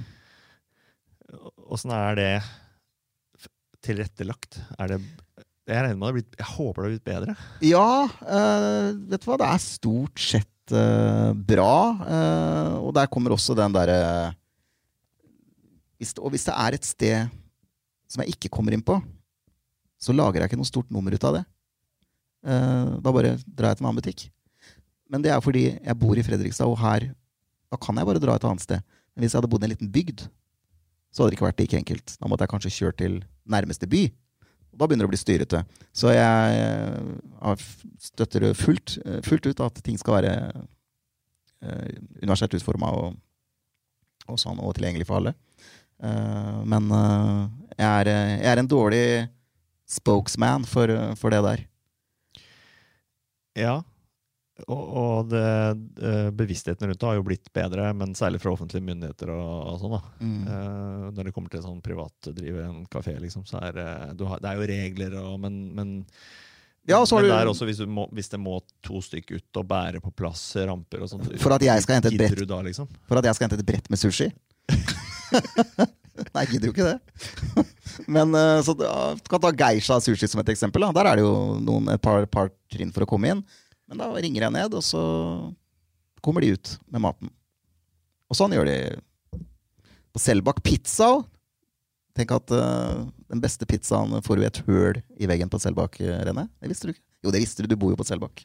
Ja, jeg har kjøpt, øh, jeg har øh, kjøpt pizza der. Og Ja. jeg går stadig forbi der øh, med, med bikkja. Da går Jeg liksom, jeg Mm. bor jo litt lenger opp, nærmere Begby nå, men jeg går ofte tur ned, helt ned til elva på Selbakk, og så Ja, går jeg forbi Selbakk pizza. og Det lukter alltid veldig godt. ja det, og der er det kjempe, kjempebra, kjempegod mat og fine folk som jobber. Og så hvis jeg skal ha noe, noe der, så bare ringer jeg, og så sier jeg bare at det er jeg som kommer i den svarte bilen. Og da ser de det. Kommer de ut med maten, og så betaler jeg med VIPs.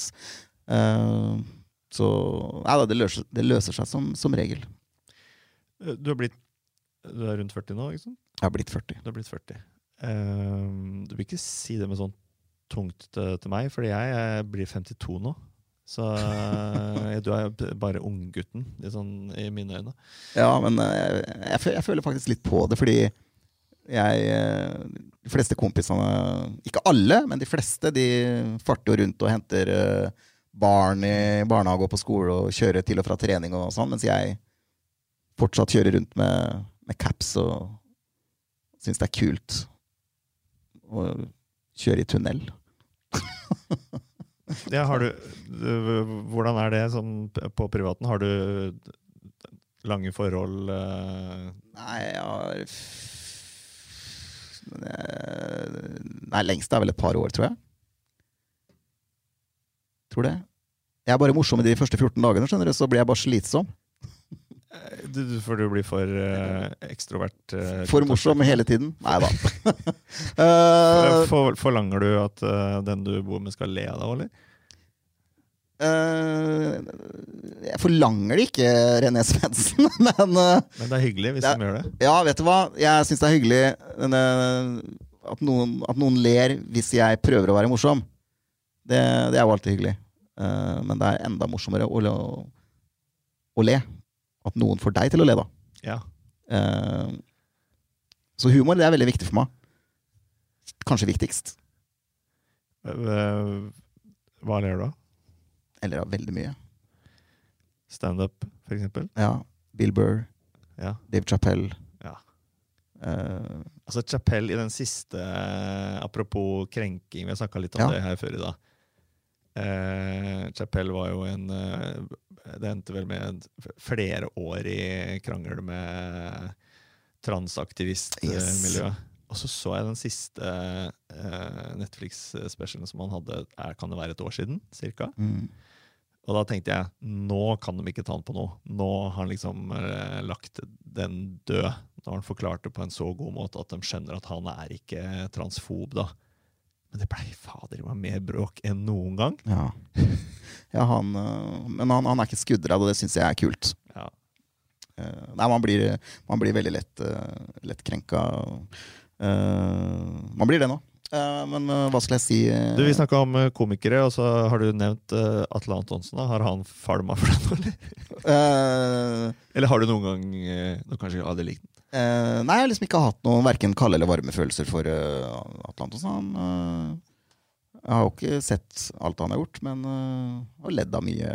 Ledd av mye. Ja, for du er litt ung. Jeg vokste jo Jeg eh, fikk jo liksom Jeg gikk rett fra Monty Python og over til eh, Bård og Harald og Atle. Og, Ja. ikke sant? Det, det har liksom forma min eh, Ja, min humor eh, det, det jeg liker, da. Mm. Du er kanskje litt eh, Neida, Den var litt over toppen, kanskje, når du Jeg husker jo Åpen post og Tre brødre som ikke er brødre, og Ut i vår hage. Og, Mm. uh, og så jo på det og lo av det. Uh, men det, det, det Antonsen har gjort de siste ti åra, har jeg nok ikke fått med meg. Men jeg, jeg ser ikke på TV, vet du. Ja, du gjør ikke det? Eller jeg ser bare på serier og Ja, ja. strømmegreier. Ikke på mainstream, da. Nei, ikke Eller aldri. ikke main, main. Hva heter det? Lineær. Lineær, ja, heter ja, jeg ser, jeg ser aldri på det. Jeg, jeg vet ikke om jeg har det engang, faktisk. jeg, jeg, sa, jeg satte på Apropos Monty Python, jeg satte på Life of Brian for dattera mi. Hun eh, hun er nettopp fylt 13 og var 12 da. Eh, Mm. tenkte jeg ok, nå skal jeg teste. Skal jeg teste om, eh, for jeg har en teori om at hun har eh, bra humor. Eller jeg har ikke en teori, men jeg har opplevd bra humor. Mm. Kona mi ler nemlig aldri av meg, selv om jeg syns jeg er ganske morsom. Hun ler aldri og synes ikke jeg er spesielt Men gjorde hun det før? Nei, jeg har aldri gjort det. Hun har aldri ledd av deg? Nei, hun er ikke st- Nei. Jo, jo, inni, jo da, for all del. Men det er ikke sånn eh, Du sa i stad slå seg på låret. Nei, Ja. det skjer ikke. Eh, men så tenker jeg at dattera mi har litt mer eh, treffer litt bedre der. Ja. Så satte jeg på Life of Brian og sa nå skal du få se på noe skikkelig rart, gammelt, som jeg lo eh, Sånn derre Man kunne le så man fikk eh, vondt i magen. Mm. Altså, den der, og da skal vi se om du liker det her, da. Og hun likte det, vet du. Ja. På ekte. Hun syntes det var gøy. Ja. liksom. Vi så ikke hele filmen, da, men det vi, lille vi så, det syntes hun var kjempegøy. Det er så deilig å le så du skriker. Jeg snakka om det tidligere i en podkast. Det tror jeg må slu... Eller min erfaring er at det slutter eh, man med. Med åra. Det er en sånn ting man gjør når man er ung. Ah. Ja. Så hvis du gjør det fortsatt, så er mm. du ung. Ja, ok, ja, da er jeg ung.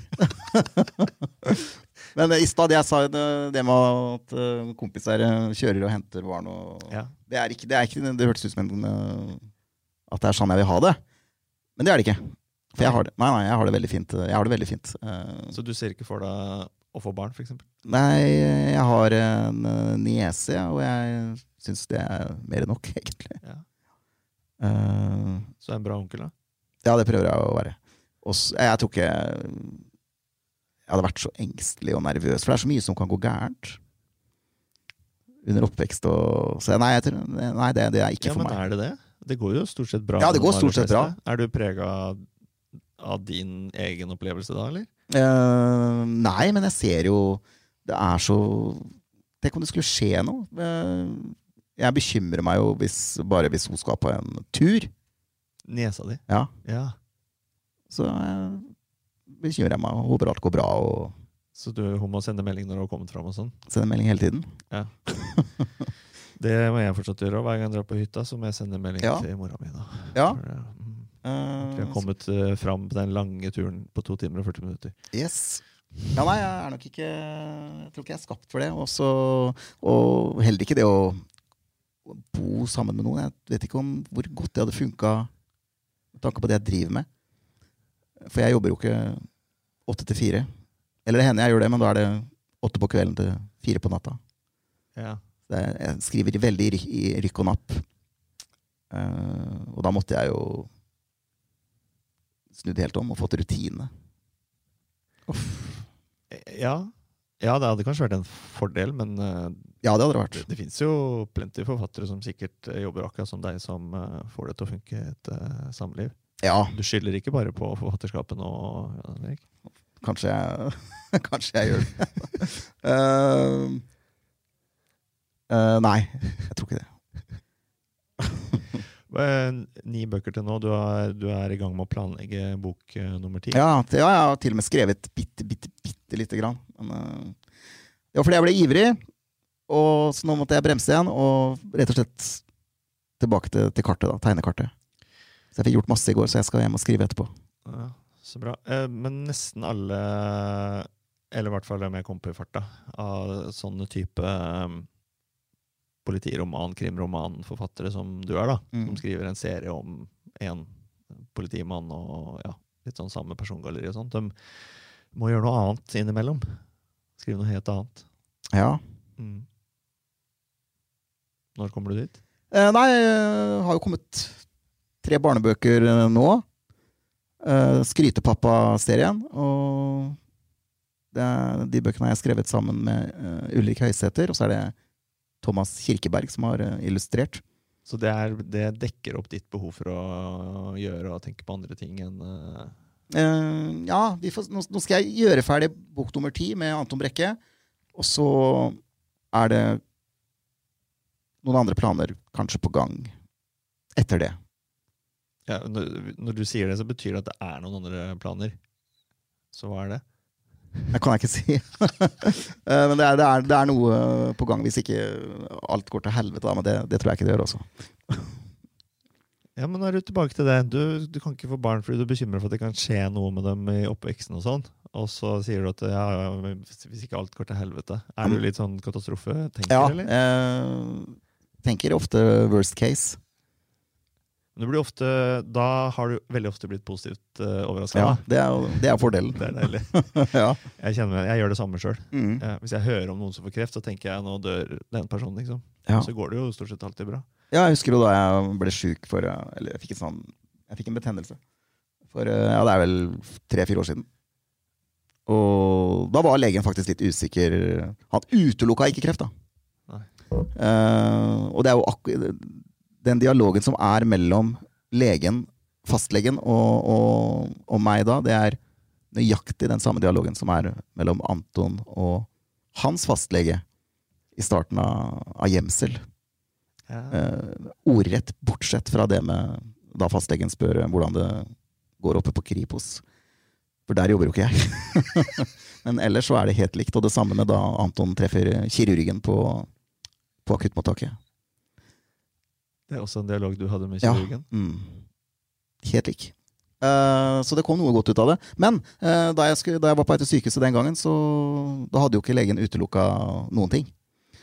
Og jeg hadde tidenes skrivesperre. Jeg var skikkelig lei, og jeg hadde vondt, jeg var sjuk. Og da tenkte jeg at ja vel, hvis det er det, så er det det. Så slipper jeg i hvert fall å skrive ferdig den jævla boka. Og Thea, Nesami da, og brødrene mine for, for, en god start på, på voksenlivet. For da har jeg i hvert fall gjort noe godt. Så jeg var klar for å levere inn skiltene, og takk for kaffen. Men så var det ikke det. Så i stedet fikk jeg morfin, og da, og da våkna, våkna ideen eh, som jeg trengte. Og det var at Anton Brekke måtte bli sjuk, han òg. Så du spurte i stad om det var eh, mye av meg og Anton Brekke. Ja, det er uten, det er, uten tvil så er det nok veldig mye av meg og Anton Brekke. Og han er like engstelig for eh, at det skal skje katastrofer. Uh, ja, jeg var jo hadde jo ekstrem helseangst før. Den har blitt veldig mye bedre, men jeg var jo hypokonder. Uh, til de grader før. Uh, så ille at det var slitsomt. Sånn er det ikke lenger. Så det, det blir ikke sånn den skikkelig dårlige vitsen om hypokonderens gravsten. Hva var det jeg sa? Ja. Eh, nei. Uh, jeg ble spurt om det i et intervju. eh, jeg husker ikke hvor eller hva, men hva blir tittelen på boka om ditt liv? Uh, selvbiografien, og da sa jeg takk for kaffen, jeg finner veien ut sjøl. det er en god tittel. Vi sitter og prater i halvannen time, Jan Erik, og det er, eh, det er snart uh, lunsj. Skal du, skal du bli med og spise lunsj eh, her i Frisabladet? Nei, det er noen timer til jeg skal, jeg skal spise ennå. Jeg spiser, prøver å spise bare én gang om, om dagen. Hæ? Én gang? Én gang, og da helst langt utpå ettermiddagen. da. Eh, altså, jeg, nå må jeg tenke. Én gang om dagen. For jeg, nå er det jo veldig moderne med denne 8-16, er ikke det heter? Ja. At man spiser eh, på dagtid kanskje fra 12 til eh, 8, Mm. og så lar man være å spise fram til neste dag klokka 12. Men det du driver med, det høres ut som eh, ekstremsportvarianten. av Én gang om dagen. ja, det blir 23 Ja. Nei, det blir 1,23, da. Ja. Ja. Ja, Det spørs hvor lang tid du bruker på å spise. Kanskje du bare bruker en halvtime også, så det blir 05.23,5. Ja. Eh, ja, nei, det funker. eh, Jeg hadde jo en eh, Jeg er jo Er har vært alltid glad, vært veldig glad i brus og sjokolade. Vet du. Og det er ikke Når du blir eldre, så flyter det jo ut. Ser ut som en sjøløve i profilen nå, hakepartiet her. Skulle hatt sånn kjevelinje som du har. Det hadde jeg gitt mye for. Men eh, det har jeg ikke. Eh, så jeg prøvde på For en stund tilbake så var jeg på en uh, diett som heter carnivore-diett. Det er det motsatte av vegetar. da Det er kun lov å spise animalsk mat. Ja, ja, carnivore, det er, det er kjøtt, rett og slett. Yes. Ja. Uh, bare kjøtt. Uh, sånn levde jeg i 100 dager. Utrolig kjedelig, men lettvint. Og da spiste jeg to ganger om dagen. Uh, klokka 11 og klokka 5. Men Var det sånn rulle bacon rundt pølsen og sånn, eller? Var det var ikke så mye pølser, for det er sånn, du skal ikke spise prosessert uh, uh, Det gikk veldig mye i kverna høyrygg, for der er det mye fett, og det må du ha. Når ikke du får i deg noen karbohydrater, så må du ha masse energi fra fett. Um, så det gikk, i, det gikk i kylling, det gikk i entrecôte, Uh, Kjøttdeig av, av høyrygg. Litt egg. Bacon. Masse bacon. Og ja Dyremat, rett og slett. Eller animalske produkter, da. Men det gjorde du i 100 dager? Ja. Og, har, og det var i en periode hvor jeg slet med å skrive, og i de, i de periodene der så er jeg ofte litt sånn eh, Jeg skal ikke si deprimert, for det er jeg ikke, men kanskje litt, litt nedfor og litt lei. Sånn øh. Um, Sånn føler sikkert du da, hvis du føler at du ikke gjør en god jobb. Ja. Da- Kjenner igjen det. Ja, og, Hva har jeg egentlig gjort i dag? ja, og hvis det ikke er noen ting. Da, for sånn er det stadig. Uh, men det her var en sånn periode, og klart de første fire dagene de var seige. Men når man kommer over den kneika der, når det ikke er noe mer karbohydrater igjen i kroppen Og jeg har aldri følt meg så klar i, i hodet og følt meg bra fysisk og psykisk som på de, på de dagene her. Og grunnen til at jeg ga meg etter 100 dager, det var fordi at det var rett og slett kjedelig, og jeg elsker potet. Så eh, ok, så uh, suget etter potet trumfa følelsen av å være sånn uh, Det trumfa god helse, Overmenneske. Trumfa god helse. um, ja, man føler seg rett og slett uh, nesten som et, uh, som et dyr. Høres litt uh, flåsete ut, da, men Så ble det instinktene som slo inn. Du, du jobba ikke like mye sånn på hjernen, det var instinkt. Ja da, det, men hodet fungerte så utrolig godt. Sånn hjerneklarhet, da. Uh, så det, den carnivore-dietten, den, den er ikke for alle, og den er kjempetøff. Men den fungerer. Men nå har du jo da begynt med noe eh, som høres enda verre ut. Ja, eh, men eh, nå, er det, nå spiser jeg en gang om dagen. Og vi, Når, når spiser du? eh, mellom eh, tre og seks en gang, tenker jeg det blir. Mellom tre og seks. I vanlig middagstid for folk. Så man kan tenke seg at man står opp om morgenen og ikke har spist siden middag dagen før. Ja. Eh, da vil mange være litt sånn Da er mange litt sånn Da er det nesten litt skjelven og litt eh, Ja. uvel, ikke sant? Men hvis jeg hadde vært ekstremt sulten i dag klokka to, da hadde jeg spist klokka to. Men da hadde jeg ikke spist igjen før i morgen ettermiddag, da. Så det blir jo det samme. Jeg spiser på ettermiddagen en, en annen gang. Ja, altså Noen ganger så venter du rett og slett 26 timer mellom uh, to Ja, ja. måltider. Ja. Uh, men da må jeg spørre, hvor mye spiser du da når du spiser? Ikke så veldig mye. Uh, spiser meg mett, om det er uh, 300-400 gram kjøtt og kanskje litt, litt karbohydrater, så. Men det er ikke sånn, det er ikke fråtsing. Nei, Så det er en god middag, liksom? Det er Ja. ikke noe mer enn det? Nei. Uh, men hva gjør du? Drikker mye vann og Ja, drikker mye. Må, isvann syns jeg er uh, veldig Det er ikke godt, men det er deilig. Jeg som må legge til, når du kom hit for snart eh, to timer siden, så spurte jeg om du ville ha noe kaffe eller vann. Og du takka nei til begge deler. Ja, Så du var ikke noe Du var ikke fysen på vann eh, akkurat, men du gjør det da for å holde var det isvann, René? Nei. Nei, men jeg kunne tilbudt deg mel uten kullsyre, da. Å ja, ja, nei, er jeg, jeg er ikke så veldig glad i vann med kullsyre. Altså. Dessverre, dessverre ikke, for det er jo litt, uh, litt futt i det. Men Men, Uh, er det sunt, det du driver med nå? for meg så er det i hvert fall bra. Hvordan kom du på det? Eh, nettet lest. Ja, det, YouTube og det er en greie, det, og i tillegg til den 8-16 som vi har snakka om, så er det det å spise en gang om dagen her også en uh, Ja, for det er jo det hele det der faste, faste greiene går ut på. Det er jo å faste. Og hvis man syns at ett måltid blir for lite, så er det lov med to. Eller det vinduet som du snakka om, da. 8-16, at man spiser innenfor et åttetimersvindu. Uh, men det trenger jeg ikke. Men Men ble du overraska over at du For det er jo det starter vel som et eksperiment, å prøve liksom, å se åssen går det her. Ja, og i starten så var jeg selvfølgelig veldig sulten. Men nå går det Klart, jeg er ikke, jeg er ikke sprekkmett nå. Jeg revner ikke. Men eh, Så hadde det vært kjekt med mat, men det går helt fint å vente noen timer òg. men eh, å, Hva skal jeg si for noe? Hvor, le hvor lenge har du gjort det? Oi, det er ganske lenge. Jeg du om år? Nei, nei, nei. nei. Men eh, nå er det jo nå er det snart jul, ikke sant? Og da er all bets off. Da Ja, ja. Så det blir julefrokost. Eh, om det blir julefrokost, ja. Og da spiser jeg med begge hendene. Og, ja, ja. Eh, men fra januar igjen så er det, jo, er det jo slutt. Da. da skal jeg prøve å ta noen ordentlige grep. Men det har jeg sagt i 20 år. Eh, men eh, jeg skulle, og jeg skulle virkelig ønske at jeg klarte å følge den carnivore-dietten hele resten av livet. For det fungerer så godt. Eh, men uh, jeg er ikke skapt for å aldri kose meg med potet igjen. Men du, kjører, du, men du kjører videre nå med en, eh, et måltid om dagen fram til jul, og så uh, i gang igjen på nyåret. Ja, det er planen. Fins det noen rullestolbrukervariant av skritteller? Uh, vet du hva, det skulle jeg ønske, men jeg må bare si én ting til på det matgreiene. At jeg klarte jo Det hender jeg ryker på.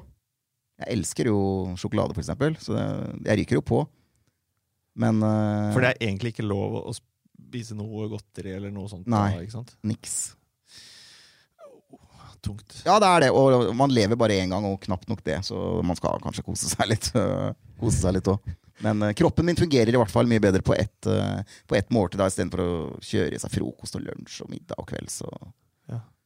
Uh, Men grunnen til at jeg klarer meg på ett måltid, kan jo være at jeg gjør det jeg gjør. Jeg har ikke en veldig fysisk krevende jobb. Jeg jobber hjemmefra. Og trenger ikke gå ut av døra hvis jeg ikke har lyst. Så hvis jeg hadde flydd i, og gravd i grøfter eller hatt noe annet hardt fysisk krevende yrke, da, så måtte jeg nok sikkert fått til litt drivstoff underveis. Ja da.